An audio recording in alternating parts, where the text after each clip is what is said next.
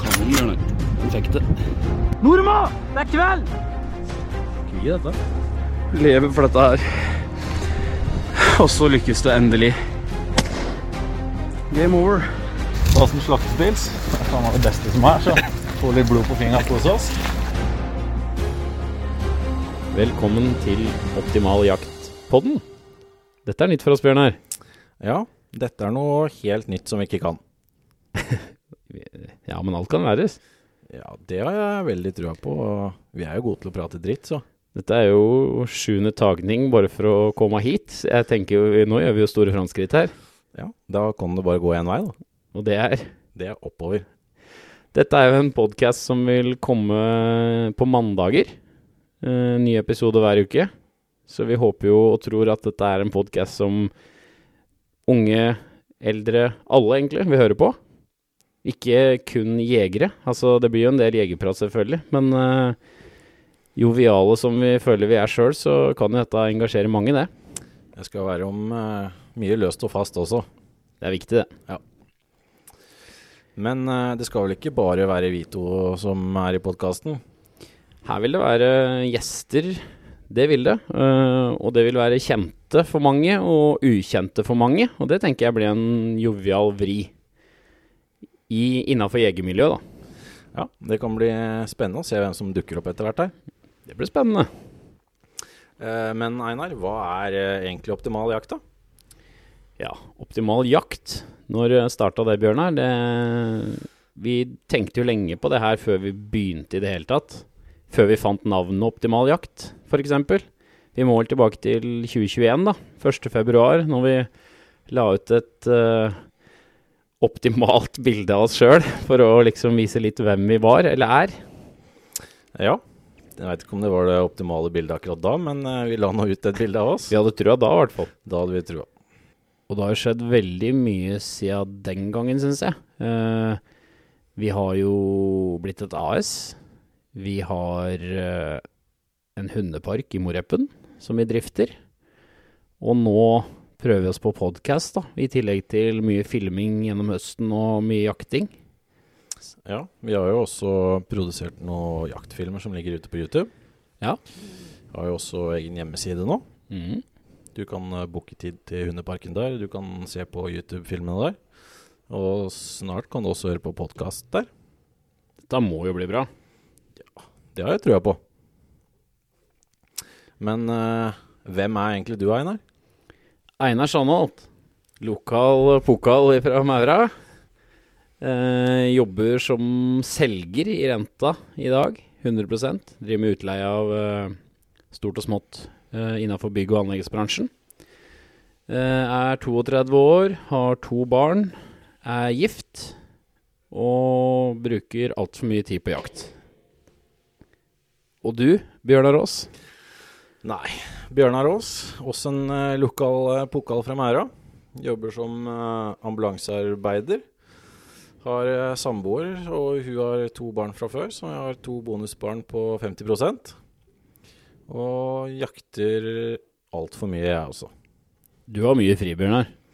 Ja, det er noen fordeler å jobbe turnus og kunne, kunne jobbe inn litt fri til høsten kommer. Ja, for du mener det at du jobber like mye som alle oss andre, som har en eh, sju til tre, åtte til fire, eller eh, ja, en mer normal arbeidstid, da.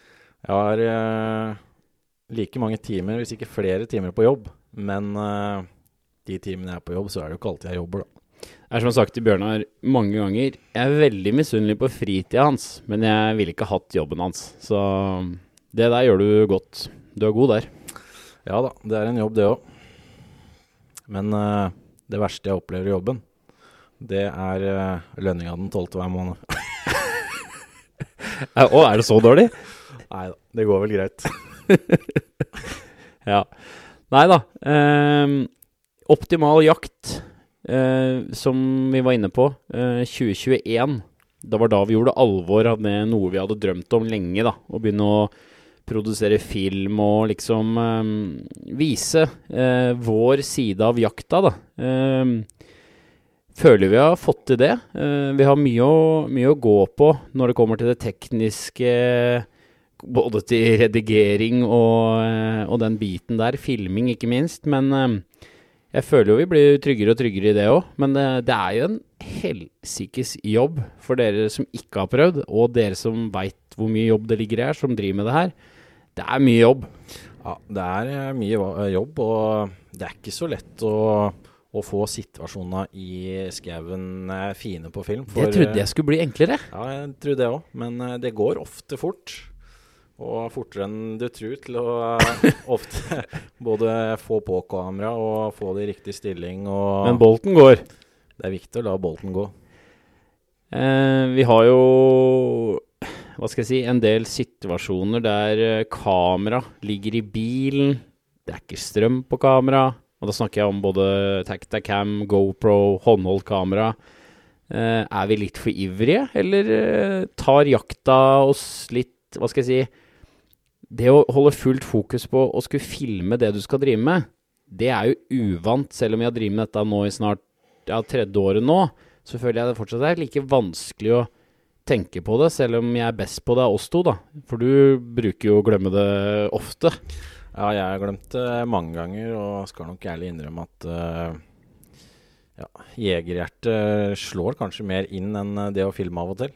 Ja, for det skjer noe i skogen når eh, losen går og situasjonen kommer, liksom. Det, det er ikke like lett å tenke on-off da. Nei, det er ikke det. Det er eh, Ja, det er mer eh, Det er enklere å tenke jakt, men nå har vi jo ja, drevet med det i to-tre høster. Så vi har jo blitt bedre og bedre, da. Men det blir mange flere. Det blir mange flere. Men eh, Einar, eh, hvor kommer egentlig navnet Optimal jakt fra, da? Nei, baktanken med det var jo å vise alle spekter i jakta. Altså Den optimale jakta, det kan jo høres ut som at det alltid går bra. Det gjør det ikke. Og sånn tror jeg det er for veldig mange. Eller for alle. Ja, det er eh, Vi har mange eh, flere dager i skogen hvor det ikke blir fall enn det blir fall. Ja, og eh, for oss, da, eller i hvert fall for meg, så er det det viktigste at man kommer seg ut i den skogen. Og får være ute med gode kamerater og jakte og eh, Alle vil jo ha den optimale jaktopplevelsen, men optimal jakt skal vise alle spekter. Vi har jo sett det i noen filmer som vi har produsert allerede, at eh, det er ikke alltid det går som det skal. Og det tror jeg er litt viktig å få fram, at optimal jakt, det skal det skal ringe rundt hele spekteret av jakta, og ikke bare det som er veldig, veldig bra og moro, som vi alle vil. Men det er ikke bare å komme dit. Nei, og en jaktdag den er jo helt til uh, bikkjene er i hus. Og det er jo ikke alltid som det er på film, at det bare er å plystre og få inn de firbeinte vennene våre. Nei, vi har jo stått der mange ganger. Vi har jo trodd at eh, nå, nå kommer Norma eller Sandy, eller Og vi har blitt lurt mange ganger der. Har en 100 meter til bilen, og så skjærer alt seg. Altså bikkjene drar av gårde igjen, finner en ny elg, eller Vi får i hvert fall ikke kobla dem. Nei, og du har vel hatt et par sklitaklinger etter dem òg for å få tak i dem, selv om du er på nært hold? Ja, og man har jo bomma like mange ganger som man har fått tak i dem, liksom. Så lydighet er en undervurdert, ting som vi kanskje må jobbe enda hardere med. Ja, når vi først er inne på hunder, da, så kan vi jo ta litt om eh, de sju hundene vi har i optimal jakt, da. Jeg har jo tre, du har to, Ole Martin har to.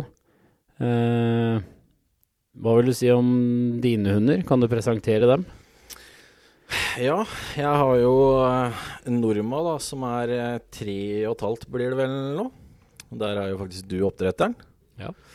Så hun har jo blitt en eh, skapelig hund, hun. Det, hun var ikke akkurat et uh, naturtalent, men eh, mange timer i skogen har eh, gitt resultater. Og hun eh, leverer varen, hun.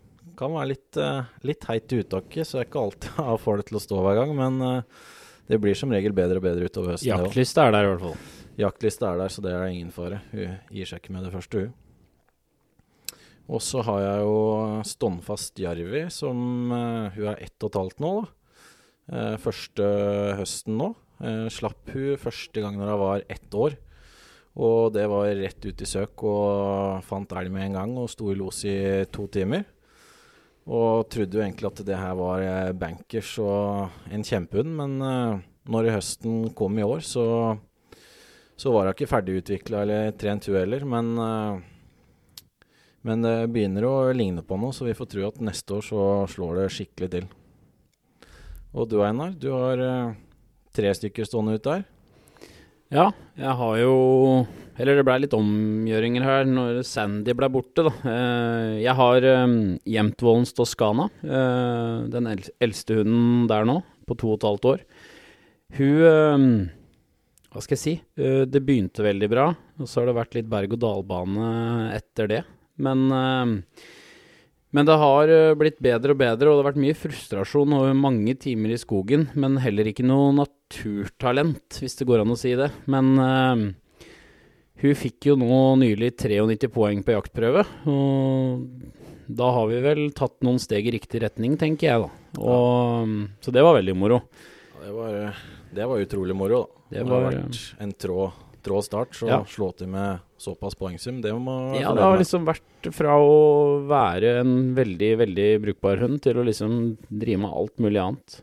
Jeg hadde et innlegg om det her på Instagram, Facebook, og det gjelder jo ikke å gi seg, da. Det er, man, man må aldri gi seg. Og klart, én gang må du kaste inn håndkleet, det må du. Men uh, når det er noe der, så skal det jo litt til at uh, Eller du må finne det og la det slå ut i blomst, da. Så har jeg Kjenslias Gattusso. Uh, fikk skutt tre elger fra han i høst, og en jaktprøve på 82,5 poeng. Eh, hadde jo som mål å dra, dra fram han til champion i høst, da. Men eh, litt sein med å melde på, på de siste tre prøvene. Det er jo min egen skyld, men vær og føre satte stopper da, for at de prøvene ble gjennomført nå i januar. Da. Så det var jo veldig synd. Men eh, nå er det først og fremst jakthunder for meg sjøl jeg vil ha, så, og det har jeg fått der. Det er jeg ganske sikker på. Så det, det blir moro å følge videre. Ja, Det skal nevnes at han nå bare er ett og et halvt år, så tre elger første høsten og førstepremie på 83 poeng må være en godkjent første høst, det. 82,5, men ja. Ja, to Ja. Og så har jeg um, Kinsmarkas Belmondo, ei krutthøne som jeg har veldig tro på. Eh, hun er eh, åt, åtte måneder nå, og har ikke vært noe løs i skogen ennå. Tar det veldig pent med hun. eh, går med turer og sånne ting. Og, men der er det også noe galskap som skal ut, så jeg tror det er greit å bare holde den litt i tommene, for å si det sånn. Men uh, det er ei bikkje jeg har veldig, veldig tro på. Så Og så, for dere som ikke veit det, eller hvis ikke det har kommet helt fram i lyset, så er vi tre personer i Optimal jakt. Vi har også med oss Ole Martin Haug. Han er litt mer i kulissene, men dere vil jo se han i jaktfilmer og diverse. Uh, han har også to hjemtunder. En uh, veldig god hjemtun, han i sjarm. Er det Kaldåkers sjarm? Ja, det tror jeg faktisk. Ja. Og så har vi Han er en veldig stabil og god hjemtun som eh, Han gir mange skuddsjanser, for å si det sånn, i løpet av en høst, så det er en veldig, veldig bra hund. Um, og så har han akkurat kjøpt seg, eller han er ett år nå, uh, Jemtvollens Jota, som fotballspiller Jota. Det er et blytungt navn å ha på en Jemtun, vi som er United-fans, men, uh, Ja, Det hører ikke hjemme noen sted, men uh, vi får håpe det blir en brukbar men jeg hund håper det blir en god hund. Ja, jeg Ja. tror det. alle forutsetninger for å bli det. Så det er de hundene vi innehar da, i vår eh, optimal jaktstall. Og jeg tror vi kan få mye moro med det. Ehm, men en hund er en hund, og de må vurderes individuelt og følges opp deretter. Og nok timer i skogen, så tror jeg Så tror jeg eh, resultata kommer. Ja, det er jo tre unghunder i den eh, stallen, så neste år regner jeg med at vi er rimelig godt rusta med, med de sju da, til å få en, eh, få en bra jakthøst. Vi er sterkere rusta denne høsten som kommer nå, om ikke så veldig lenge. Vi som har trua, holdt jeg på å si. Det har vi meget stor trua på. Men uh, vi sitter jo her i dag fordi at uh, Fordi at uh, vi har jo en stor lidenskap for jakt, og det er jo det alt bunner i. Og åssen oppsto egentlig denne jaktinteressen vår? Ja, den begynte tidlig. Ja, veldig tidlig òg, tror jeg. Ja, jeg var eh, ja, fem-seks år når jeg eh, fikk være med pappa på elgjakt. Og det var en, eh, en basill man aldri blei kvitt. Og jeg er glad jeg ikke blei kvitt den. Det, det var der det begynte. Å få være med tidlig i skogen og oppleve elglos, liksom. Det, det var der interessen begynte så tidlig. Ja, det var vel uh, samme med meg, at jeg fikk være med tidlig ut. Vi, jeg var ikke med på elgjakt så tidlig som deg, men uh, i hvert fall rådyrjakt, da, som utvikla seg videre til elgjakt. Og det er Mm. jo det som har blitt den største basillen, selv om det er artig med rådyrjakt òg. Ja. Jeg har jo noen historier, da, som vi kanskje kan ta. Ja, det er historie artig. Uh, en sånn skrekkis, eller ikke skrekkhistorie, da, men uh, var på Nordåsen her hjemme sammen med farfar, Peder Schanholt, og faren min, Morten Schanholt. Og så mm, hadde vi jakta, og hadde en elglos som gikk inn eh, over grensa inn til naboen, og så skulle vi kjøre hjem igjen om kvelden, og så sto det ku og kalv og beita på et togsfelt når vi kom kjørende hjem igjen. Og denne kalven skulle vi ha, da. Så pappa han eh, sniker seg ut og, og legger han i grøfta og klinker på den kalven. da. Den detter rett ned. Og Så blir det mørkt. Og så skal vi bort og vomme den elgen, da. Og det blei ordentlig mørkt. Oktobermørkt. Uh, og denne kua gikk rundt oss og grynta og var skikkelig forbanna. Jeg husker farfar hadde en sånn mini slitt, gammel lommelykt som det så vilt, hvitt gløda i. Og den, den skulle liksom han lyse i, da. Eller lyse så fattern skulle se noe. Uh, Og fattern fikk jo tatt den elgen etter hvert. Men eh, jeg var så redd og ville bare hjem til mamma uh, når jeg sto der, for den, denne kua var ikke langt unna oss. Så vi, vi bare hørte og det var midt ute på hogstflatet. Så den roligste der, det tror jeg var bestefaren min, Peder. Han sto der og gliste og lo og syntes dette var moro med litt blod og gørr. Så det Men den, den sitter i. Så det var litt sånn eh, Jeg husker når jeg var med inn på Los da seinere, så spurte jeg alltid pappa Er det ku og kalv. For jeg syns den kua var litt skummel, da. Så det tok litt tid før jeg ble kvitt det eh, Hva skal jeg si? Eh, marerittet. Så det var ganske Ja, det, det er noe som brant seg fast i kroppen, da, for å si det sånn. Men uh, den redselen for uh, kua er borte nå. ja, den er borte. Ja, jeg kan jo ta en liten historie om uh, første vilt, ordentlig vilt jeg skjøt også. Når du sier ordentlig vilt, et vilt er vel et vilt. Hva Ja. tenker du på da? Nei, jeg var vel noe måker og noe ah, ja, styr sånn. først, men uh, ja, det er vel foreldra, så jeg var vel tolv år, tror jeg. Ah, ja. Var med pappa ut på rådyrjakt, og hadde, han hadde sagt til meg at uh, hvis det kommer rev, så skulle jeg få lov til å skyte, da. ja. Og vi var jo oppe tidlig, seks-sju-tida på morgenen, og satt i traktoren, og der, der kom jo rev, da, så klart. Og jeg tar tak i børsa og sikter, og hadde jo aldri skyte med rifle. Gikk jo på skiskyting, da, så idet jeg skulle trekke av, så trodde jeg at dette var trykkpunkt, for det var jo det jeg var vant til. Ja. Og da smalt det jo. ja. Men heldigvis så satt korset der det skulle, og reven datt i smellen. Og det som var litt artig da, var at uh, mamma hadde jo sagt at hvis jeg skøyt en rev, så skulle denne stoppes ut. Ja. Og hun lå jo fortsatt og sov. Ja. Men uh, jeg var jo ikke vond å be, og løp ned og henta denne reven. Og det rant jo noe blod av. Og gjennom kjøkken og stue og inn på, inn, inn på soverommet der moderen fortsatt lå og sov, og bare 'Mamma, mamma, nå skal vi stoppe ut reven'. Var hun fornøyd da, eller? Ja, det kan jo si så mye at han blei stoppa ut og står i stua i dag. Ja. Så det var eh, morsomt for et ungt jegerhjerte. Det er et stort minne, det. Absolutt. Men var det med å definere deg som jeger, liksom? Var det da, var det, da det begynte? På ordentlig? Nei, det hadde nok eh, begynt lenge før det. Jeg var, eh, hadde mange timer på post eh, med faderen på rådyrjakt, og da hadde jeg vært med en del på elgjakt også, som, så gnisten var der før det. Mm. Når vi først er i gang med historier, så kan vi jo ta en til. Vi har jo tid til det. Det har vi tid til, vet du. Kan jo fortelle om første elgen min, da. Det var Det var også veldig spesielt. eh, Det er vel også forelda, men jeg var eh, Jeg hadde jegerprøven. Eh, Jeg var vel om jeg, jeg skal Ja, jeg hadde fylt 14 eller 15, det er jeg litt usikker på. Men uh, fattern reiste og satte satt meg på en post og sa at her kommer han, han. Og reiste to kilometer lenger sør i enden på terrenget og slapp en gråhund vi hadde da, som het Bella.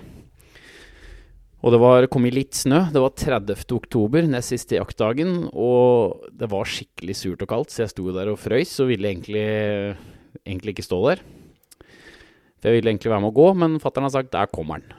Og hadde stått der noen timer, og så hører jeg det brakar, um, brakar nedafor meg. Og da ser jeg en piggokse som kommer helt nederst på hogstflata.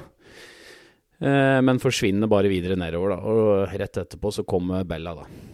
Og så sier jeg på radioen til fatter'n at eh, du, nå passerte elgen her, og han gikk nedover. Og jeg veit ikke hvor mange ganger i dag, når den har passert den flata som i dag heter Sandholthøgget, eh, at den da går videre innover til naboen. Men eh, fatter'n sa stå rolig, han kan fort komme igjen. Og idet han har sagt det, så kommer piggoksen opp igjen, hadde bare runda på nedsida av meg på flata og kommer rett imot meg. Og jeg står der med en sauer i seks og en halv og setter meg ned på kne, og denne kommer rett imot meg. Og jeg skyter et skudd rett forfra.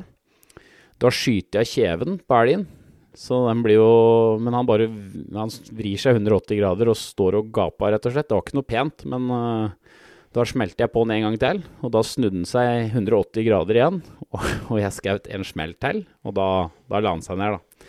Du lærte tidlig at bolten skulle gå. Det er bedre med én for mye enn én for lite, var det en som sa til meg. Så da, da blei det sånn, da. Men det var også Det er noe du aldri glemmer. Det skalv i en halvtime etterpå, og det var ikke fordi jeg frøys. Det var Da hadde jeg fått igjen varmen, så det var adrenalin. Og det er veldig spesielt, men fint, da, på samme måten. Så det Det var starten på, på elgjaktkarrieren. Ja, det er sånne ting man ikke glemmer. Men uh, du nevnte her at da satt du med en uh, sauer i 6,5. Ja. Hva, hva er det som står i våpenskapet i dag, da? Du, eh, den står der enda, den. Eh, skøyt vel en Ja, de første 20 elga skøyt jeg med den, i 6,5. Eh, og var egentlig veldig fornøyd med det. Eh, men etter hvert, da, som det blei Eller det har jo vært løshund hele tida, men så vil jeg ha en Sett på film og hørt av liksom litt eldre jegere at du må ha en sånn en. en du må ha en I3. Og så var det jo den der våte drømmen om en blazer, da. Så etter å ha spa, spikka spart i ja, det var nesten tre år, så blei det en blazer i 9-3, da. Men først blei det nytt løp til saueren, da, i 9-3. Og det angrer jeg heller ikke på. Så Men den saueren mista litt identiteten, egentlig, når du klarte å ødelegge den og knekke stokken. Så Det ble ikke det samme etter det. det ble ikke det samme. Og så fikk han seg en smell når han eh, datt i, i bakken på skytebanen òg, så det da, da blei det en ny stokk, og da mista den litt identiteten. Så da Ja, Man blir glad i disse våpna òg. Han blir det. Så det blei liksom ikke helt det samme. Og etter det da blei det en, en blazer da, som jeg er veldig fornøyd med. Men det, men det jeg er mest fornøyd med, det er egentlig kula. Eh, Norma Vulkan i 15 gram. Er helt magisk kule. Og det kan vi godt diskutere i hele Jeger-Norge, men eh, den kula kommer jeg aldri til å bytte ut. Jeg må jo bytte den ut sikkert etter hvert, men eh, jeg elsker den. Det er noe annet enn uh, 6,5 når det dundrer i, i dyret med en 9-kaliber. Ja, det er øh, Du ser i hvert fall stor forskjell. Eh, 6,5 så Jeg har skutt flere elger som har dettet rett ned med 6,5, men det har jo med treffpunkt og hvor ku, kula har ekspandert den. Men med 9,3 så tror jeg jeg har til gode å se elgen gå lenger enn ja, maks 50 meter. Ofte er det 10-12 meter eller rett ned. Ja, og så ser du jo Du ser jo tydelig skuddreaksjon da, litt lettere. Mm. Men uh, Det er mange gode kaliber der ute, også, men vi som bruker Norma eh, Vulkan i dag, i 15 gram, vi er i hvert fall veldig fornøyd med det. Ja. Mange vil jo si at det er ei for lett kule, ei for blaut kule, men eh, jeg vil heller ha uh, ei mjukere kule som jeg veit virker, som ikke skal gå gjennom dyret når vi skyter på korte hold og har løshunder rundt. Skal jo alltid passe på at hunden er til side, men, men uansett så er det ei veldig trygg kule. Det er i hvert fall erfaringa mi. Ja, og så er jo niter egentlig kjent som eh, en potetkaster. Men når du går ned fra si 21 gram til, eh, til 15 gram, så har det mye å si på kulebanen hvis det skulle bli litt lengre hold òg, da. Ja, det er klart. Det går an å dra ut holda litt mer enn det gjør med de tunge kulene. Ja, og det hender jo det blir noe hold, men, øh, men stort sett så er det korte hold da, vi opererer med. Det, det er til unntaka, men øh, sånn er jo på jakt. Litt av hvert skjer. Absolutt. Men alt i alt veldig fornøyd med, både Nitre og Norma Vulkan. Og blazer du òg, da. Du er veldig glad i blazeren din. Ja da, jeg skal innrømme at jeg har jo en blazer, jeg òg. Det er jo som barnet mitt. Eller det er barnet mitt. Ja, jeg har aldri sett en person som er så glad i rifla si som deg. Nei, det er noe Etter at jeg kjøpte den, så det er noe eget. Ja. Men har du noen gang feila med blazeren? Og da tenker jeg på i forhold til eh, oppspenneren. Jeg har dessverre gjort det to ganger. Den eh, første gangen så var vel du med. Ja, jeg husker det godt. Så satt på Satt eh, Det var vel 10. august, tror jeg. Lokka rådyr. Og det kom rådyr, og jeg drar opp spennene, og den detter ned igjen. De Det har aldri vært så stille inn i den groskauen noen gang, og du hørte råbukken kom på ja, noen hundre meter, tenker jeg. Du hørte den kom. Og så skulle Bjørnar spenne opp, da. Og det Jeg har aldri klart å få til den lyden, ikke du heller etterpå, men det blei et sånn klikk, eller sånn tjong, i hele skauen. Så den råbukken, den fant ut at den ville ikke komme lenger, eller nærmere, da. Så den så vi aldri. De som har eh, blazer, har, eh, har sikkert prøvd, og det er sikkert ikke alle som har gjort det i skogen, men det klinger godt når den spretter ned igjen. Altså. Ja. Jeg har gjort det en gang til, og det var vel enda mer synd. Det var på hjortejakt med Kom det to Ja, stemmer, du fikk det til der, du. Da kom det to hjortebukker ut på et hoggsfelt på 50 meter, og faktisk husker jeg kameraet òg, da. Og spant opp eh, blazeren, men den datt fort ned igjen, og da var de hjorta rimelig vare og dro av gårde, gitt. Det hender han går litt irritert ut av skauen igjen òg. Ja, da var det greit at det ikke var så mange rundt meg, tror jeg. Men uh, var ikke, når du snakker om den historien, var ikke det samme turen som du skulle prøve deg med skytestokk òg? Jo, det, det Dagen etter? Stemmer det. Det var på samme posten også som de hjorta kom, så det var idet jeg kom ut på hogget. Det står egentlig Men var det samme dag, eller var det dagen etter? eh, Det er jeg litt usikker på, men det var i hvert fall samme turen. Ja.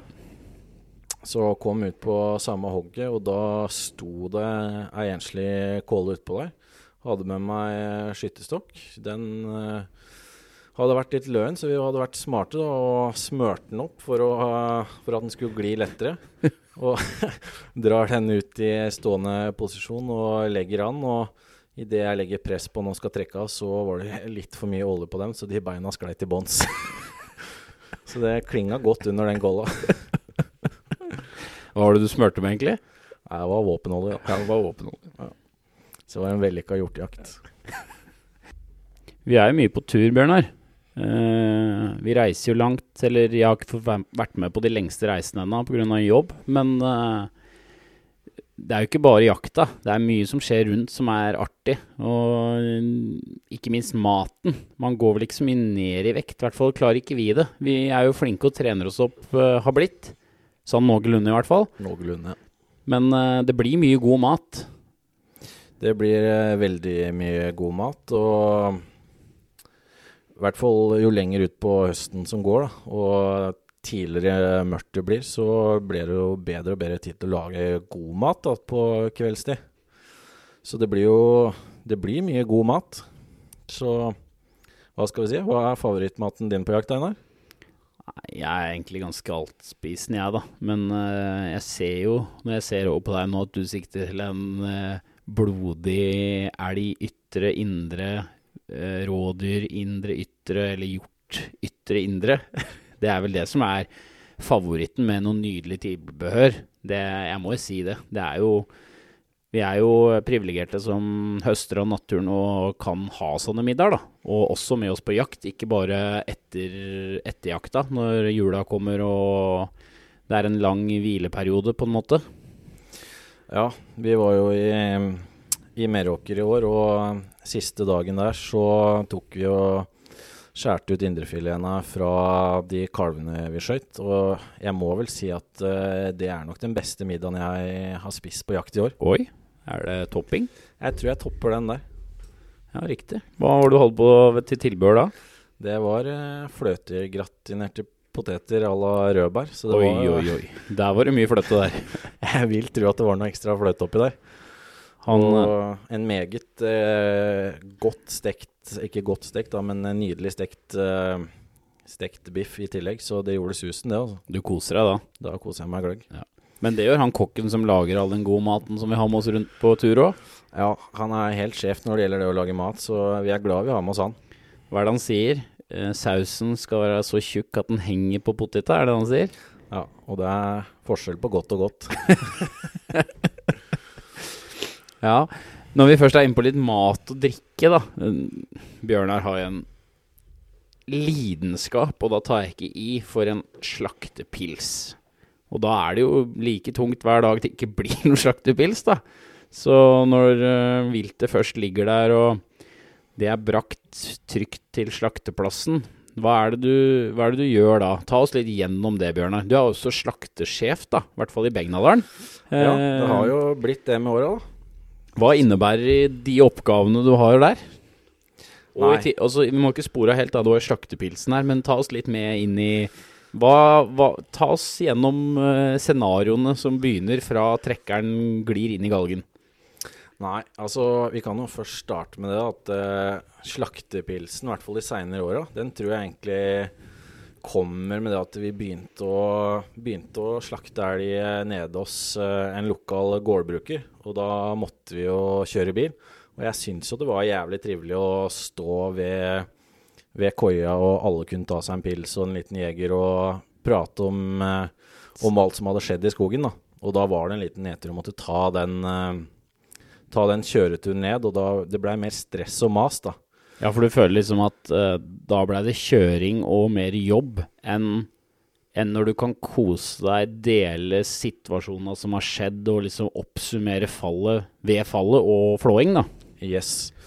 Og i hvert fall det Nå er elgen ute av skauen, da. Det hender jo vi har et par uh, par elger i løpet av et år som Det er ikke bare bare å få dem ut. Vi har jo noen hendelser, det er litt jobb. Så i hvert fall når elgen er i skauen og kommer til koia, da, da da prøver jeg å samle troppene og ta med en eh, pils ned på slakteplassen. Så vi kan eh, ta en såkalte slaktepilsen og så nyte og kose oss med å slakte den elgen. da. Mm. Og fortelle historier om åssen denne elgen ble felt og Ja. Jeg tror det også er litt viktig, for at uh, det kan høres litt sånn at det er om å gjøre å få seg den ølen. Jeg tror det er mye mer enn det. Altså, det skaper et samhold, og folk får litt hvilepuls på nytt, kan du si. Når vi står der og koser oss og liksom Det blir ei ramme rundt det òg, da. Og samtidig, i hvert fall der vi jakter da, så driver som regel de eldste på laget og, og kokkelerer og lager til de deiligste middager som du kommer til dekka bord når den elgen er ferdig jobba med, da. Absolutt. Og det har jo blitt et ordtak, det med slaktepilsen. Men eh, du verden, og alle blir nå med på den slaktepilsen og står der og koser Det er flere og flere, ser jeg, som blir med på det. Det er det. Og det er ikke det at vi skal ta så mange slaktepilser og bli fulle og sånn, men én slaktepils uh, og med gode historier og godt samhold uh, når vi flår den elgen, i stedet for at eh, det skal være eh, jobb og slit, da. Mm. at, eller at det er eh, kos og nyte at vi har lykkes den dagen. Jeg syns det er kjempemoro å flå, jeg. Det, er jo, det er jo en del av greia. Det, det setter i hvert fall jeg stor pris på, da. Mm. Ja, altså En gang når vi kom tilbake på hytta, Sandegård i Begnadalen, så var ikke du der. Du var ute i skauen. Eh, jeg tror du hadde Norma i los, eller du skal i hvert fall få tak i hunden, da. Så sier jeg til resten av laget at vi får bare Da var kanskje jeg litt rask, da ville få dette gjort, og da skal vi flå den elgen. Så var det en som sa, snudde seg så på meg bare Bjørnar er ikke her. Så da, da tok jeg meg sjøl litt i det, og da tror jeg vi sto og venta på deg. Ja, det gikk kanskje et par timer òg, men eh, jeg har ikke sett en lykkeligere mann som fikk se at den elgen ikke var flådd. Så du spant opp på hytta, dro av deg noen våte klær og kom ned igjen med en tipakk med Frydenlund, én til hver, og da kunne vi begynne å flå. Var, jeg husker det godt sjøl. Jeg blei satt i bilen her og bare faen, håper de ikke har flådd den elgen nå. Så jeg, jeg blei jævlig glad når den eh, lå der med klaua i været fortsatt. jeg skal innrømme det, ja. Ja, det er sånn Det er moro å se den gleden det kan gi noen, da. Det, det må jeg bare si.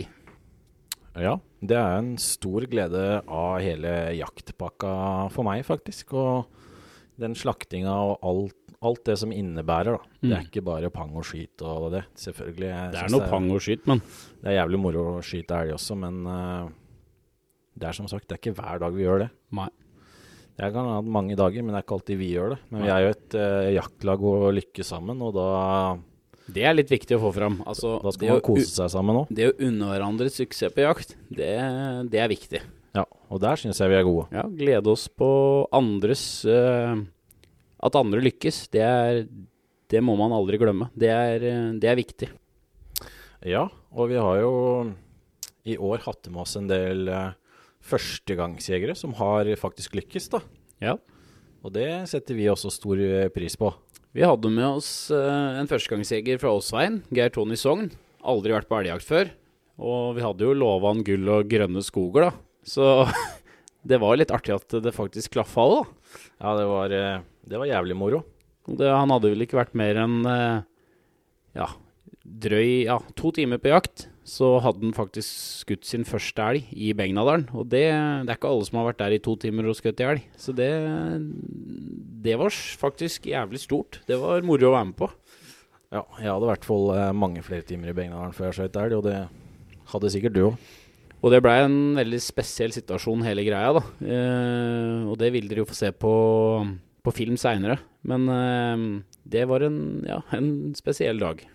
Ja, og det var jo ekstra moro at vi fikk eh, alt på film også, da, med førstegangsjeger og alt rundt det. Ja, for det, det er jo litt som skal klaffe da, på jakt, som jeg har vært inne på. Og det, det å få til hele den sekvensen der med han, det var eh, Det veit jeg han satte stor pris på sjøl òg, og jeg tror det ble tent et lite jegerhjerte inni han. Så jeg tror ikke det er det siste vi har sett til han.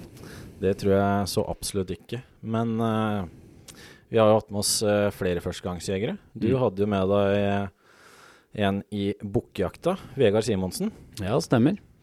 Eh, ja, bukkejakta vår, den var jo så som så i høst, så det Man måtte jo begynne å finne på andre ting når den ikke lyktes sjøl. Nei da. Men eh, en kompis, Vegard Simonsen, han eh, hadde drevet og lokka fra 10. august, og vi begynte vel å nærme oss rundt 20., tror jeg det var.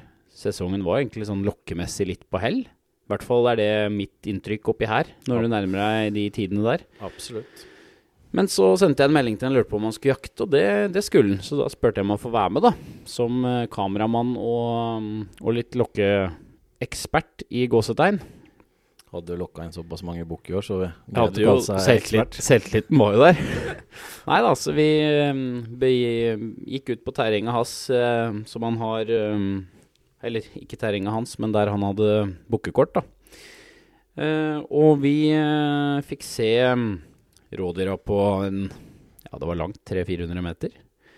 Men det blei en veldig spennende pakke, da. Fordi de reagerte ikke på lokk, men det var litt sånn yr i lufta og sånn. Men det bråka fælt i det derre helmstuen som sto igjen og sånn, og det, vi hadde ikke så mange veier å ta pga. vind. Og det blei også en episk eh, ansmygning på en Ja, vi brukte vel nærmere en time, tror jeg, eh, bort til eh, der han til slutt fikk skutt sitt første, eller sin første råbukk, da. Og sitt første vilt, hjortevilt. Så det, det å være med på det, det var, eh, det var helt rått. Ehm, litt redd for at den filminga der blei så som så, men eh, vi håper vi kan vise det på film òg. Men ehm, å se en førstegangjeger lykkes når du har vært førstegangjeger sjøl en gang, du, du kjenner igjen mange ting da, og det, det, er en, det er en stor glede å være med og se, altså. Det er det. Ja, jeg var ikke med, men jeg har jo tatt en eh, sniktitt på filmen fra dere var ute, da. Og man eh, kan jo tydelig se at eh, gutten er prega, og Ja. den børsepipa sto vel ikke rolig Nei, jeg syns det var godt gjort at den traff, jeg. Ja, jeg tror han Sånn det ser ut som, så tror jeg han fikk eh, førstegangsskjelven ganske tidlig der. Ja, og det var ikke bare i knæra. Men eh, han tok seg sammen og leverte et kjempeskudd, så det var, eh, det var moro å se. Da er det ekstra moro å, å lykkes, da. Ja. Og dattera til Ole Martin Haug var jo også med. Hun er vel ikke førstegangsjeger sådan? Jo da. Marte som skøyt er også førstegangsjeger. Ja, det var første høsten hennes, ja. ja. Jeg tror det var første dag på elgjakt òg. Ja, da Ja, ok. Det, ja, det skjer så mye, så det, akkurat det var ikke helt på detaljnivå der. Men, eh, men det lyktes jo også, da. Hun fikk skutt seg en kalv i Gjerdrum i høst. Og det er jo også fantastisk, liksom, da, å se den gleden der. Og det vil dere også få se på film, da.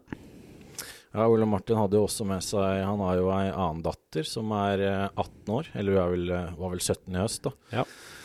Eh, hun fikk vel ikke skutt eh, sin første elg, men uh, hun var med på mange spennende situasjoner med los, Mm. og hadde losen på veldig kort hold, og ble skutt på nabopost blant annet, så jeg Hun, tror, hun var veldig nære. jeg tror hun også kommer til å være med på jakt neste år. Uh, jeg tror ikke interessen har blitt noe mindre, nei. Nei. Så det er, det er moro når man kan skape nye jegerhjerter. Ja. Og vi vil jo Vi har veldig lyst til å dra den her litt lenger, da. Eh, akkurat dette med førstegangsjegere. Så vi skal prøve å få til at flere får den muligheten. Eh, uten at vi kan si så veldig mye mer enn det akkurat nå. Men eh, vi har en plan og en drøm om å få flere førstegangsjegere ut på elgjakt. Og det, det kan jeg vel nesten love dere at eh, vi skal få til. Vi håper på samle noen førstegangsjegere som kan få lov til å være med oss i 2024 på elgjakt. Ja, Så mye kan vi si. det kan vi si. Hvis det er noen der ute som har lyst, da. Det håper vi jo. Ja, det er ikke sikkert noen har lyst til å være med oss på jakt. Nei, det, men de skal i hvert fall få muligheten, da. Absolutt. Men uh, nå har det blitt uh, januar. Jakt, uh, jakta er på hell. Hjorteviltet er eh, ferdig. Åssen eh, åssen har jakta gått fra vi starta 15.07 med å lokke på rev? Nei, altså Den revejakta den eh, kan jeg jo si med en gang, den er ikke jeg så veldig ivrig på. Der uh, tar jo du regi. Jeg syns jo det er moro å være med ut og sånn, men uh, det blir litt for langt imellom uh, reva, for å si det sånn. Men det er jo godt å komme seg ut og, og nyslåtte jorder og sånn. Men eh, Det er godt å komme seg litt ut og få kjært litt med blaseren igjen 15.07. ja, men eh, jeg savner den Jeg, jeg mangler hund, jeg, da. Så jeg, jeg sliter litt med den. Uh, men uh, blei det noe rev, egentlig? Nei. Nei. Så det var jo kort oppsummert om reven. Det, det, det var ikke noe Det var ikke noe suksess i år. Det har vært en, faktisk en suksess før, så jeg syns det var litt uh, Det er jo et nederlag når en ikke får det til, da. Altså, når en har fått det til før, så syns jeg det er litt rart en ikke skulle få det til i 2023 òg, men eh, det blei noe sånn. Videre til bukkejakt. Det gikk jo heller ikke som vi hadde håpa på, selv om vi hadde en del fine situasjoner. Men eh, det ble ikke tellende resultat. Nei. Er, det, er vi for dårlige til å lokke? Er det der det ligger? Jeg veit ikke. Geitene kommer i hvert fall, men uh, bukka var ikke på slep i år, altså. Sånn som vi har opplevd tidligere. Og i fjor, da lokka vi jo inn mange bukker, blei det? Fem? Ja, det var, i fjor var det bra, så vi Ja. har det vel i oss. Ja, jeg tror det er håp. Han må bare være ute i skogen. Men uh, Det skal vel, eh, skal vel sies det at uh, det var et uh, vær med navn han som hadde herja dagene før bukkjakta. Alle, alle skogsbilveier var stengt, så det var vanskelig å komme seg dit vi pleier å jakte, da. jo, men jeg vil ikke si at det er en unnskyldning for at vi ikke skjøt bukk, da.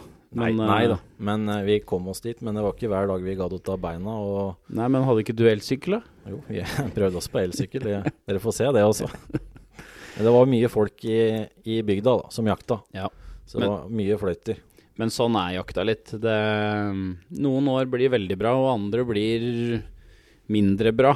Men uh, som regel så jevner det seg utover tid, tenker jeg. Vi går på med nytt giv i Bukkjakta 2024, vi.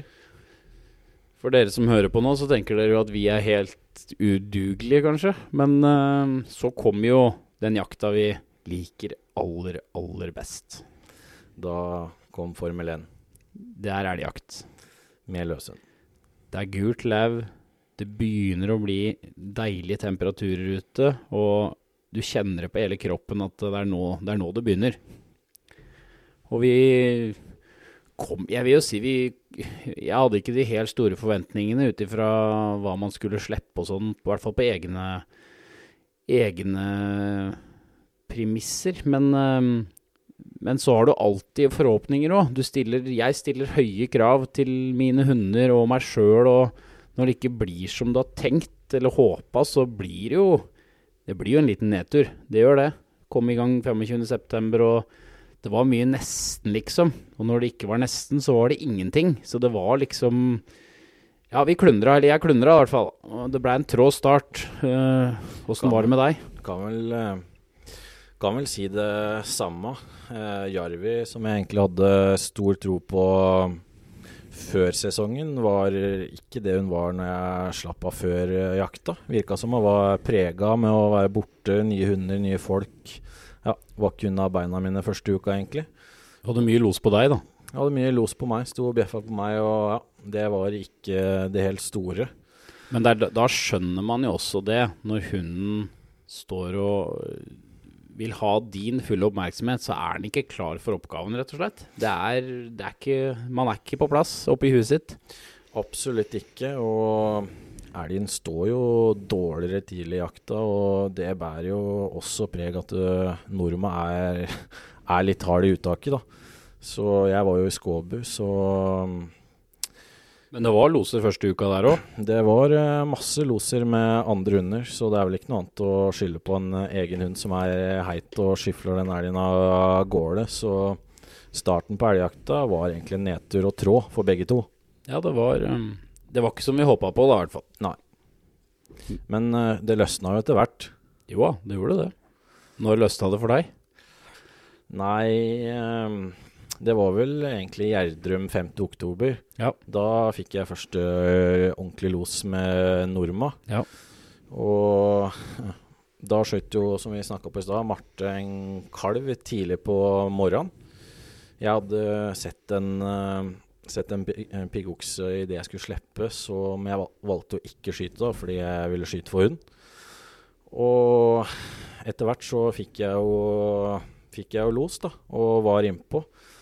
Og um, hadde da bytta tactacam uten å ha gjort noe med innstillingene, så hadde jo huska alt av kameraer og styr eh, på det. For en gangs skyld? For en gangs skyld så var alt på. Og når jeg da var på 30 meter og bare skulle ta børsa og skyte, så vibrerer det kameraet tactacamet så høyt da, at den elgen bare snur seg med ræva til og drar av gårde. Og da var det såpass nærme grensa at uh, det gikk over til naboen, da. Mm. Og da stoppa det jo inn hos naboen. Prøvde å komme meg innpå en gang til, men uh, kom meg ikke innpå for å se hva det var. Og da hadde nabolaget los, da, så de sa at uh, nå måtte jeg gå ut og avvente. da. Ja. Og i mellomtida da så klarte jo Ole Martin å slippe sjarm, og da skøyt uh, dem en piggokse. Ja. Og når jeg da fikk lov til å gå inn på den losen til nordmannen, da viste det seg at det var en piggokse. Så da var jo det allerede skutt, så da Da blei det ikke noe der. Da blei det ikke noe der. Men uh, det var i hvert fall første losen, og fikk litt trua igjen, da. Ja. Men det var jo en god dag sånn for laget sin del, da. Det, Det ble jo to elger, og det var jo full action. Det var en veldig bra dag som første dag i det terrenget, da. Eh, videre utover høsten. Eh, nei, det skulle ikke ta så mange dager før eh, fikk en kjempefin los med Jarvi i det terrenget. Ja, da husker jeg jeg satt på jobb og det begynte å blinke i trekkeren der. Da, jeg skalv, jeg òg. Jeg hadde jo valgt å dra til Begnadalen sjøl, Mm. og fattern tok med seg eh, Jarvi. Og, jeg satt jo og kjørte bil, fordi det blei jo litt seint dagen før med, med Norma, som jeg egentlig hadde jo ikke forventa at du skulle stå til klokka tolv, sånn høsten hadde vært. Så jeg skulle jo egentlig opp dagen før. Ja. Men sto opp tidlig da og kjørte oppover til Begnadalen. Og Men hvorfor dro du til Begnadalen når Jarvi skulle ut i Gjerdrum? Det skjønte jeg ikke helt. Nei, det er sikkert et godt spørsmål, det. Men sånn blei det. Ja, sånn ble det. Og når det begynte å tikke inn meldinger at uh, hun sto i los og jeg kjørte bil, da, da måtte jo trekkeren opp. Og fikk jo litt vondt i hjertet av å ikke være der da. Ja. Da hadde jeg en uh, kjempefin los på uh, ku med to kalver og okse, Ja. som føtteren og Ole Martin ikke Nei, den fikk ikke klem på noen ting, da. Nei. Men eh, da var hun i hvert fall litt mer seg sjøl igjen, da. Ja, ja, ja. Så det var, det var moro. Mm. Så, så gikk vel dagene. ja. Jeg veit ikke helt, er vi rundt 10.-15. oktober nå, eller? Ja, det må vel begynne å nærme seg at du er i Begnadal med Gathuso. Ja. Um, da kan vel ta den historien, da. Med Gattusso, når det skulle løsne der. Ja. Han viste jo tidlig at det var en jeger inn. Det gjorde han. Eh, men eh, som vi var inne på tidligere her, Begnadalen er liksom ikke så lettvint tidlig på. Eh, prøvde hjemme her 5. oktober, men det blei liksom ikke det helt store. Fant et par elger og sånn, men han var rett og slett ikke helt klar. Det, det blei ikke Det blei mye los på meg og kongler og gnage kvist og de tinga der da, som hører med en unghund veldig ofte. Men uh, allikevel så visste jeg jo innerst inne at uh, denne hunden her, den, den, er det et eller annet i. Så her er det bare å ha litt is i magen. Ikke slippe for mye, men ha litt tålmodighet, da. Så reiste jeg til Begnadalen, og det skulle vise seg å bli en, en veldig, veldig positiv opplevelse, uh, som dere også skal få se på film. Men det blei jo da eftan og skulle ut og slippe Gattuso. Peilebåndet mitt var tomt for strøm, så alle som satt og fulgte med på trackeren, trodde jeg gikk med en annen hund oppe i Begnadalen. Men nok om det. Reiser opp i et terreng der, eller en del av terrenget, og slipper. Og han, som Thomas Wangli ville sagt, han kuta vegen. Det han klarte i tre kilometer. Helt, helt villstyring. Mye energi som skulle ut. og ja, jeg står nå rolig der, øh, og til slutt så bestemmer jeg meg for å kjøre og hente den, noe jeg egentlig ikke liker, men jeg valgte å gjøre det, da, for jeg følte han liksom ikke var Han dreiv ikke med det han skulle. Så reiser og henter den, kjører opp igjen i nesten samme område som jeg var, og går ut i terrenget igjen, slipper, og da er det liksom helt merkelig, men da er den helt på jobb med en gang. Han bare reiser i søk og gjør en fin runde på oversida av meg, på en 400-500 meter. Kommer igjen og bare titter på meg og drar av gårde igjen. Og rett ut på en 700 meter, og så er det helt stopp. Og der er det ikke trackerdekning, så jeg, jeg tar jo opp Garmin da, og ser at uh, han står jo helt rolig. Men jeg hører han ikke, den lia er litt vanskelig, så jeg hører ikke noe los.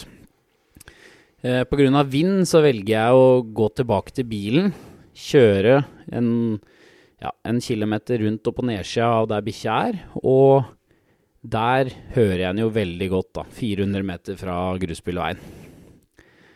Og da var jeg så glad, for det endelig, liksom. Nå er det låt i skauen. Eh, stubber meg litt opp på lilja der, og det er vanskelig vind. Og så begynner den der tanken med å snike seg inn, for det er en del Angus, har vært, er, i terrenget vårt tidlig på, eller ute i jakta. Og da tenkte jeg, kan det være Angus, da? For dette står jo, står jo bukk. Men jeg velger jo å gå oppi der, da, selvfølgelig, og kommer meg innpå Får jo se, da, ganske med en gang når jeg kommer innpå der, at eh, der er det jo ei elgku.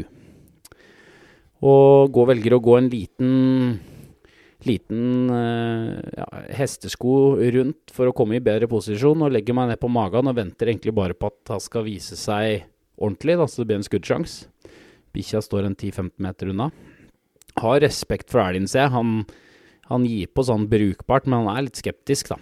Og så um, gjør jeg meg klar egentlig for å sende i veien ei kule da, på denne kua, men etter å ha ligget der en stund og med i bakhuet at her kan det jo også være en kalv, så får jeg jo se den kalven som står litt nedafor kua, da. Og den står i noe tett kjerr, så der må liksom den må komme fram ordentlig, så er det ikke snakk om å forskyte. Men så er det litt snurrevind og sånn, så det, det rusler liksom sånn de, de, stikker ikke sånn som de bruker når det blir støkt, men de blei i hvert fall var noe, da. Og flytter seg en ja, 600-700 meter igjen. Eh, og da tenker jeg nå er det jo kjørt, for dette går bortover lia der.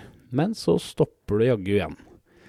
Og da skal jeg innrømme at da satte jeg på turboen inni, inni meg sjøl og vasa gjennom de kjerra over noen kuler der og veldig kuppert terreng. Og så er det jo de siste 100 metera, da, hvor jeg får se elga over et kjenn. Da står jeg oppå en liten kolle. Men jeg må ned, ned til myrkanten på det kjennet da, for å få skutt. Og ned dit så er det bare sånn derre Eh, Kims ingen kos-føre. Uh, og glir gjennom kjerra der og bare tar rett og slett en sjanse på at det er nå eller aldri elga står og ser på meg. Og ja, jeg føltes som jeg løp gjennom kjerra der, men uh, det kan dere jo bedømme sjøl på film. Men får lagt meg ned på magen og smeller ned kalven og velger også å skyte kua, da. Og det er en opplevelse jeg aldri kommer til å glemme, for da det emosjonelle som kom da, det klarte jeg Det hadde jeg ikke styring Jeg kjenner jeg får litt klump når jeg prater om det nå, faktisk, for det var Ja, det var helt rått. Ja, jeg har jo sett filmen fra han eh, etter han har skutt og gå bort der. Jeg, jeg var i Trondheim eh, i Meråker og jakta når det her skjedde, og man får nesten en tår i øya å se, se gleden som Einar hadde under den opplevelsen der når han går bort til Gattusso. Så det var, det var stort både for han og, og for meg å se og at det går an å bli så glad av å lykkes med en hund. Det var liksom så spesielt, fordi jeg følte meg så aleine i skauen med den hunden da, selv om det, jeg var ikke aleine på jakt. Fattern var med og en del andre jegerkollegaer, så det var liksom ikke Jeg var jo ikke aleine oppi der, men det, akkurat i den stunden, de 100 metera bort til de daue elga og den bikkja, det var eh, Det var magisk. Og, når du da Når du ser den gleden med hund der, da, da skjønner du hvorfor Einar sier at uh, å lokke og skyte den reven ikke er like stort. ja, jeg tror vi har svaret der. Så Og så sesongen gikk jo videre, og det blei um, det blei loser på hjemmebane og litt flere fall for eh, Gattusso. Eh, Norma i Begnadalen. Så det, sesongen blei jo egentlig, jeg vil jo si, veldig bra, ja, til slutt. alt i alt så blei det jo en bra sesong. Og dette vil dere jo få se på film. Ja. Så sånn oppsummert, etter en veldig trå start, så blei elgjakta 2024 Jeg tror den blei så bra den kunne blitt, egentlig. ja. Når uh, snøforhold og alt annet satte en skikkelig stopper til slutt. Så Men uh, jeg tror vi venter med å si 2024 et år til, ja. så vi sier jakta 2023. ja, jakta 2023, ja. ja. Vi hadde jo noen fryktelig fine situasjoner egentlig med Jarvi òg, i Begnadalen, helt på tampen der, når snøen begynte egentlig å ta oss. Som vi gjorde noen ja, vi, Jeg følte ikke vi gjorde noen taktiske feil heller, men elgen var litt smartere enn oss. Så vi burde jo Det er jo litt klump i magen å si det. Vi burde hatt elger for Jarvi i høst, for hun jobba godt på slutten der. Ja, hun gjorde det. Det skjedde et eller annet eh, den ene helga i beina der, når hun kom tilbake med litt hovent øye og et lite høl ved siden av. Som jeg trodde kanskje var en kvist, men eh, etter det så begynte det å gi seg litt, eh, litt tidlig, så fort elgen stoppa. da. Men det det tror det begynner å gå bedre. Ja. Så mistenker jo kanskje at det blei sparka den turen, men vi veit jo ikke hva som skjer i skogen alltid, så det er vel bare å jobbe på videre. Så detter elg for huet der. Jeg er ikke så redd for det. Og som du sa, så Det ble en litt amputert elgjakt pga. vær og vind. Det Mm. kom jo Dere ville jo sikkert fått se det også. Ble jo nesten snødd inne oppe i Begnadalen der. Mm. Kom 40-50 cm på en natt der. Vi valgte jo vi, det, har vi, det har vi ikke nevnt. Vi, vi hadde jo ei bilreise i høst som ikke ligner noen ting. Eh, hopper litt tilbake der. Eh, jeg klarte jo å glemme å sette bilen min i Eller nå, vi må begynne riktig ende. Jeg parkerte når jeg kom opp på jaktkoia her hjemme i Maura. Går inn, skal spise lunsj. Bilen står parkert på tunet. Uh, glemmer telefonen i bilen, så jeg går ut igjen etter ca. et kvarter og henter bilen min. Nei, henter eh, telefonen min, og går inn igjen og fortsetter å lage ferdig lunsjen min. Da er en på laget plutselig sier nei, nei, nei, nei, nei, nei. Og vi alle titter ut gjennom vinduet, og der er det Pysj og partner Dangel i fritt fall ned mot uh, hvilebua der vi sover, da. Og rett i hytteveggen, og der sto det et aggregat. Så aggregatet blei med inn i motorrommet, og eh, den bilen var ikke kjørbar. Det var vel den 6. eller 7. oktober. Så det, Det var mye gode lånebiler som tilegna seg jakt da. det blei ikke mye dangel på jakt i år, nei. Det blei ikke det. Men det skulle vise seg å bli en, en liten start på problemet med bil også i høst, da. Eh, Bjørnar eh, Du fikk jo tilbake dangeren. Jeg fikk tilbake dangeren, det stemmer sånn var det, ja. Og den var jo, da var det noe problem med Adblue. De hadde ikke fått med seg at det var noe sprekk i tanken der. Leverer bilen tilbake igjen. Får igjen bilen. Men dette er jo gått ut i november, for den var jo lenge på verksted. Og så får jeg inn en skal fylle spylvæske. Det går tvers igjennom, så da måtte bilen tilbake igjen. Og så skal vi til Begnadalen. Bjørnar er litt ivrig på rådyrjakt på hjemmebane her, og da kan du si hva som skjedde der med bilen din. Ja, dette var jo dagen før vi skulle opp til Begnadalen. Jo eh, det var meldt et helvete snøvær, så vi skulle rekke å få jakta de siste timene før vi var redd sesongen var over. Og selvfølgelig skulle jeg bare en kjapp tur opp på rådyrjakt. Det hadde jo snødd, eh, snødd en del hjemme her allerede òg.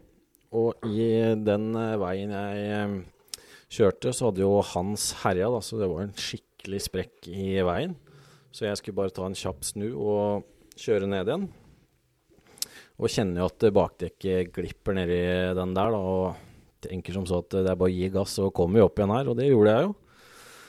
Og så kjørte jeg ned, da. Syns det gikk jo greit, dette. Og så gikk losen opp igjen når jeg skulle kjøre opp denne bakken igjen. Og syntes det var jævlig rart at, uh, at denne bilen ikke klarte å ta seg opp i, i den snøen.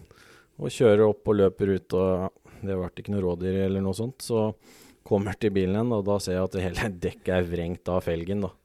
Og må begynne å finne, finne sommerdekk og jekk, og det var snø og vind og Var det et styr der, husker jeg på Snap? Ja, det var et styr. Og ja, dagen etter så skulle vi til uh, Begnadalen. Einar hadde jo dangeren på verkstedet. Så planen var jo å kjøre bilen min da med hundekassen, så vi fikk med oss litt hunder. Mm. For vi så jo at ifølge Yr så blei det siste turen. Ja. Så en nødløsning da var jo å få lånt oss en uh, Hilux på noe dårlig vinterdekk. Og ja, jeg fikk da låne, låne en, eh, en, bil av eh, en av sjefene mine på jobben min.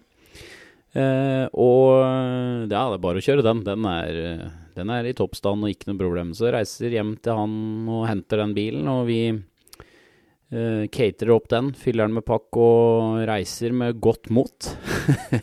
og så kommer vi til, eh, til Roa.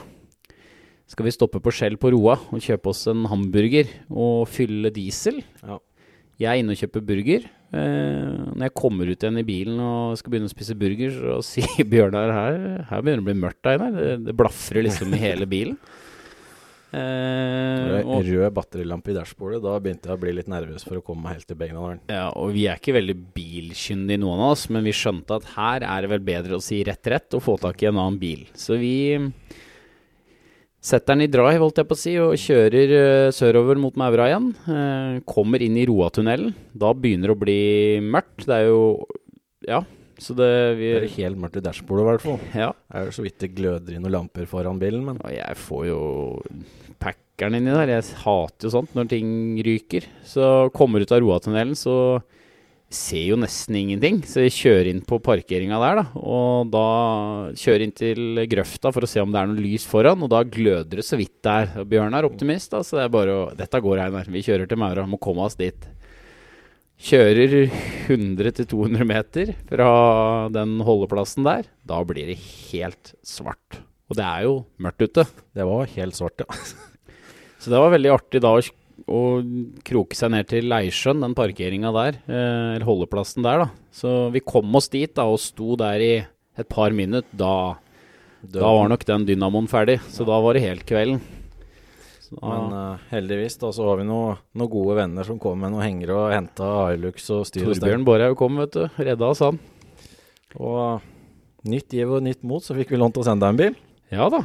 Så vi kom, vi kom oss på elgjakt. Andreas Haug lånte oss en Outlander, og den gikk til Begnadalen.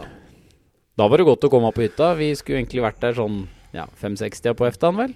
Og var da framme Var klokka ti, eller? Ti, ja. Ti, ja. Heldigvis da så hadde vi ringt ringt en uh, lokal uh, pokal, Syver Amundsen, som uh, Han hadde dratt opp og fyrt opp i koia, da, så det var en liten lungtlås i hvert fall. Ja, det var, det var snilt, Syver. Den setter vi pris på. Så ja, den turen der får dere også se litt av på film i høst. Ja. Men nå spora vi litt av. vi var vel egentlig på at det kom mye snø.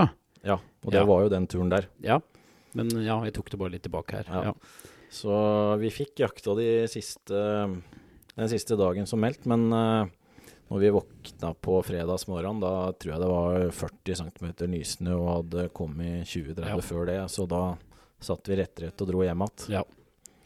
Men uh, nå er jeg litt dårlig i minne, men det blei en tur til etter det? Ja, snøen sakk vel sammen litt, i hvert fall i framlyn og sånn, ja. så jeg var der vel to helger, og du én. Ja. Så det blei noe mer elgjakt, selv om det ble litt amputert. Men det som kom positivt ut av det, da, det at vi fikk brukt en del av terrenget som vi faktisk ikke har brukt så mye. Vi jakter vel på ca. 55 000 mål. Og vi har ikke vært mye i de bratte framliene, men det viste seg at det var bra med elg der. Jeg veit ikke om det var pga. snøen, men eh, det var i hvert fall eh, bra med elg og mange nye områder som vi faktisk ikke har jakta mye i, som var veldig fine og jaktbare. Så det, det kom jo noe positivt ut av det òg. Absolutt. Jeg hadde aldri, aldri trodd at eh, det var jaktbart der, for det ser jo så Det ser bratt ut. og ser bratt Det er ut jo bratt. kart. Det er bratt. Men eh, det gikk, eh, det gikk overraskende bra. Mm. Så det var vel egentlig en grei oppsummering av uh, Jakta. jakta 2023. Mm. Jeg var jo en tur på Vega, da. Det glemte vi jo her. På nå rett før uh, jul. Det var jo litt av en kjøretur for å komme seg dit. Mm. Og det blei jo ikke Det blei ikke helt uh, det store, faktisk. Det blei ble en liten nedtur, men det var en fin tur i hvert fall. Men det var litt dårlige forhold sånn der òg, eller? Ja, dessverre så kom det Kom det litt for mye snø um, uka før vi kom opp, så det blei litt, litt for trått for uh, dagser. Mm. Og pluss at en av de bedre dagsa som vi skulle ha med oss oppover, fikk løpetid. Da. Så det, var, det ble en litt amportert tur, men uh, men, men. Det, Men det er litt som all annen jakt. Du er avhengig av gode hunder når du skal jakte rådyr òg. det er absolutt alfa og omega. Mm. Og når de ikke kommer fram, da, så blir det Selvfølgelig, det er mange andre måter å jakte rådyr på, men uh, det er jo Det er jo løshundjakt vi liker uansett, da. Mm, mm. Så Men, men. Vi får prøve igjen en annen gang. Det kommer mange nye muligheter. Eh, kanskje litt mer om hva folk kan forvente av denne podkasten. Vi var jo så vidt innom det i starten der. Men eh, igjen, det skal være en podkast for jegere. Av jegere. Det er litt viktig å få fram. Ja. Eh, året 2024, hva, hva ser vi for oss der, Bjørnar? Nei, eh, vi må vel finne på noe artig da òg. Vi skal jo i hvert fall jakte i Begnadalen. Mm. Der har vi jo fast elgjakt. Du har elgjakt her eh, hjemme på Nordåsen. Eh, vi skal en tur til Meråker, som vi fikk eh, jakt på i fjor. Det gleder jeg meg til. Der skal jeg være med i år òg. Det gleder jeg meg veldig til. Du fikk jo ikke vært med der i år pga. jobb, men eh, må prøve å få til det i år. Mm. Det var jo veldig, veldig fint terreng og veldig vellykka jakt. Ja. Så det, det ser vi fram til. Ja. Sånn uh, Det er sånn jaktmessig i forhold til elgjakta du tenker på da? Ja. ja. Sånn jaktmessig da, så har du vel ikke spikra så mye annet. Det blir vel eh, bukkjakt her hjemme i Nannestad. Ja, det blir det. Eller vi sier vel ikke Nannestad, vi sier Maura. Maura Ja. 2032. Yes. Nei da. eh, det, blir mye, det blir mye jakting. Vi, vi vil jo jakte mest mulig. Eh, det er ikke alltid den kabalen går opp med fulltidsjobb på begge to. eh, unger og, og, og mye annet som skjer. Men vi vil jo prøve å gi dere den, den beste jaktopplevelsen fra, fra vår vinkel. Da. Og da vil vi jo, må vi jo prøve å filme mest mulig. Så um, vi Vi håper på å bli enda bedre i 2024. Vi har, steg der, ja. vi har fortsatt mye å lære der, men vi har trua på oss sjøl. Og det vi er i ferd med å bygge opp, så vi har ikke tenkt å ligge på latsida. Nei, vi, det er vel ikke så lenge til eh, det kommer noen filmer på lufta. Nei, det er spørs øh, Vi har jo ikke noe backoffice, vi, for å si det sånn. Her gjør vi alt sjøl. Så det er mye redigeringsjobb. Vi har jo så vidt begynt. Og, men jeg tror på at vi kan begynne å, å vise noe snart. Ja. Og vi tidligere så har vi jo lagt eh, filma våre på YouTube. Men i år så har vi jo lagt eh, Eller tidligere i år så lagde vi jo egen hjemmeside med Hundeparken og ja, en liten webshop hvor du kan kjøpe litt merge og diverse. Og i år så har vi bestemt oss, fordi at vi bruker såpass mye tid på det, da, at uh, filmene kommer ut på den uh, nettsida med med en liten sum i betaling, da, for å få litt igjen for både all tida og penger vi har brukt på kamerautstyr, da, for det begynner å bli en grei sum, det også. Mm. Det koster. Det vil ikke bli, det vil ikke bli dyrt. Det, Vi er jo amatører sånn sett vi er amatører, og det er um, Alle skal ha muligheten til å se det vi driver med, da. Ja, Så det vil jo i hvert fall komme eh, litt rådyrjakt og en del elgjakt. Mm. Vi lover eh, flere episoder, Mm. så det er bare å henge med. Og så sitter vi her nå og prater inn i mikrofonene med podkast, da.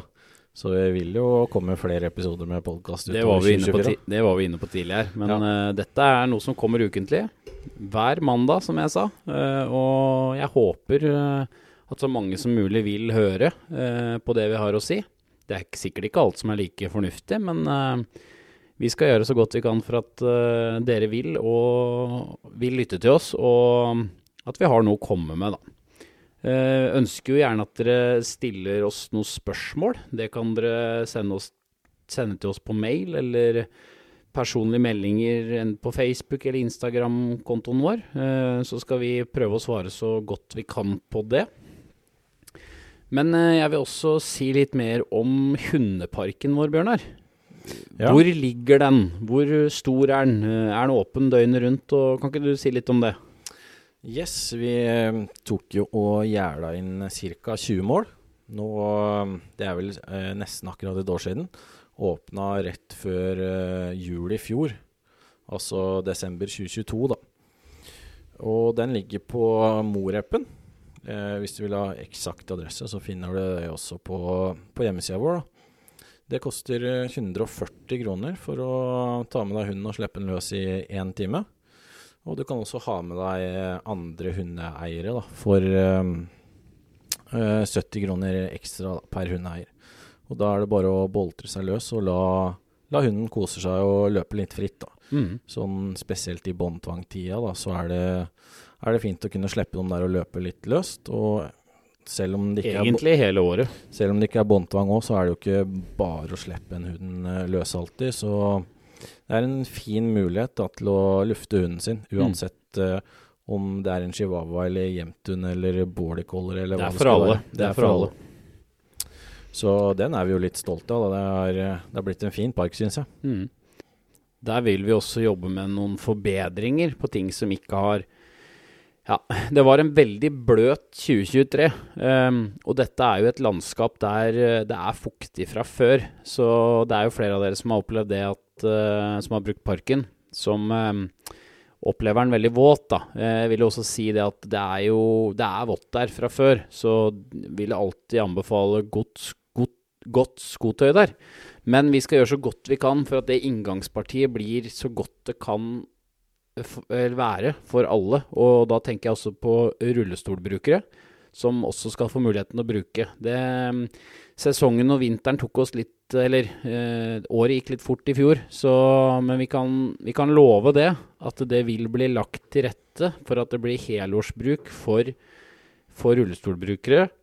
Og at det ikke skal være så vått da i inngangspartiet. Vi håper vi kan få til et, eh, et platå der, for å kalle det det, som vil være tørt hele tiden. Ehm, så det, det skal vi ta tak i så fort eh, våren kommer nå. Eh, og det er et eh, hovedmål faktisk i 2024 å gjøre dette så godt som mulig for alle brukerne våre. da. Absolutt. Det ble jo litt ekstra vått med den høsten og han som alt som innebar, men eh, det kommer helt klart forbedringer der i løpet av 2024. Det kan vi love. Mm. Men skal vi noe mer artig i 2024 da, Einar? Ja, det går jo fort til eh, 15. mars og Camp Villmark. Den helga der gleder vi oss til. Ja, det blir, eh, det blir artig. Da skal vi være der hele helga og um, treffe kjente og ukjente og Ja, det gleder vi oss veldig til. Det, blir, det er sosialt og veldig fin arena å være på. Det, vi var jo der eh, første gang i fjor, eh, på en liten stand da. Eh, den ble litt større i år, så det ser jeg veldig fram til. Ja, vi starta et nytt samarbeid med Skytterlinken nå høsten 2023. Så øh, vi blir å finne på stand øh, sammen med dem, da. Ja. Så det blir jo stas å møte så mange likesinnede og sikkert jaktidioter som oss da, en hel helg. Ja, det blir knakende moro. Det Det blir- gleder meg veldig til. Det var moro i fjor, og det blir sikkert like moro i år. Ja, Det tror jeg. Så hvis du er der, stikk innom uh, Skytterlinken og oss og slå av en prat. Det må dere gjøre. Så Men uh, vi skal vel ta en tur på jakt- og fiskedagene på Elverum òg? Ja, det er litt lenger fram i tid, men vi, vi skal til Elverum òg. Der var vi jo i fjor. Og det var jo skikkelig moro. Det var uh, bra med folk og god stemning, så det, det, er, eh, det er gode dager å ha med seg. Det er, eh, det er trivelig på jakt- og fiskedagene å være ute og Det blir litt annet enn å være inne også. Litt friskere luft og gå ut og Ja, også, Og, også som du sier, med likesinnede og prate jakt og treffe nye mennesker og bli kjent med andre og dele erfaringer og sånn, det er, eh, det er jeg veldig positiv til. Syns det er kjempeartig. det, er, eh, det er veldig moro. Ja, Bjørnar, da tror jeg vi kan oppsummere litt til slutt med å bare gratulere oss sjøl med vel gjennomført. Ja, vi syns det er veldig gjennomført. Det gjenstår å se de som skal høre på dette. Ja, nei da. Vi er nye i dette gamet her, og jeg tror og håper så mange som mulig vil høre på oss. Eh, vi kan i hvert fall love gjester etter hvert. Både her i kjellerstua, og vi kommer til å reise på besøk. Og jeg tror dette blir et veldig artig kapittel i optimal jakt, eh, sånn eh, totalt sett.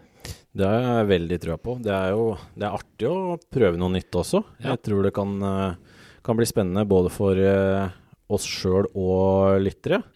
Det er sikkert eh, mange der ute som vi skal prøve å snakke med som gjester som vi også kan lære mye jakt av. Helt klart.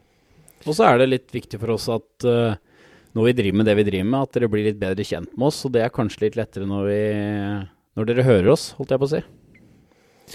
Så da tror jeg vi sier at det var første episode. ja.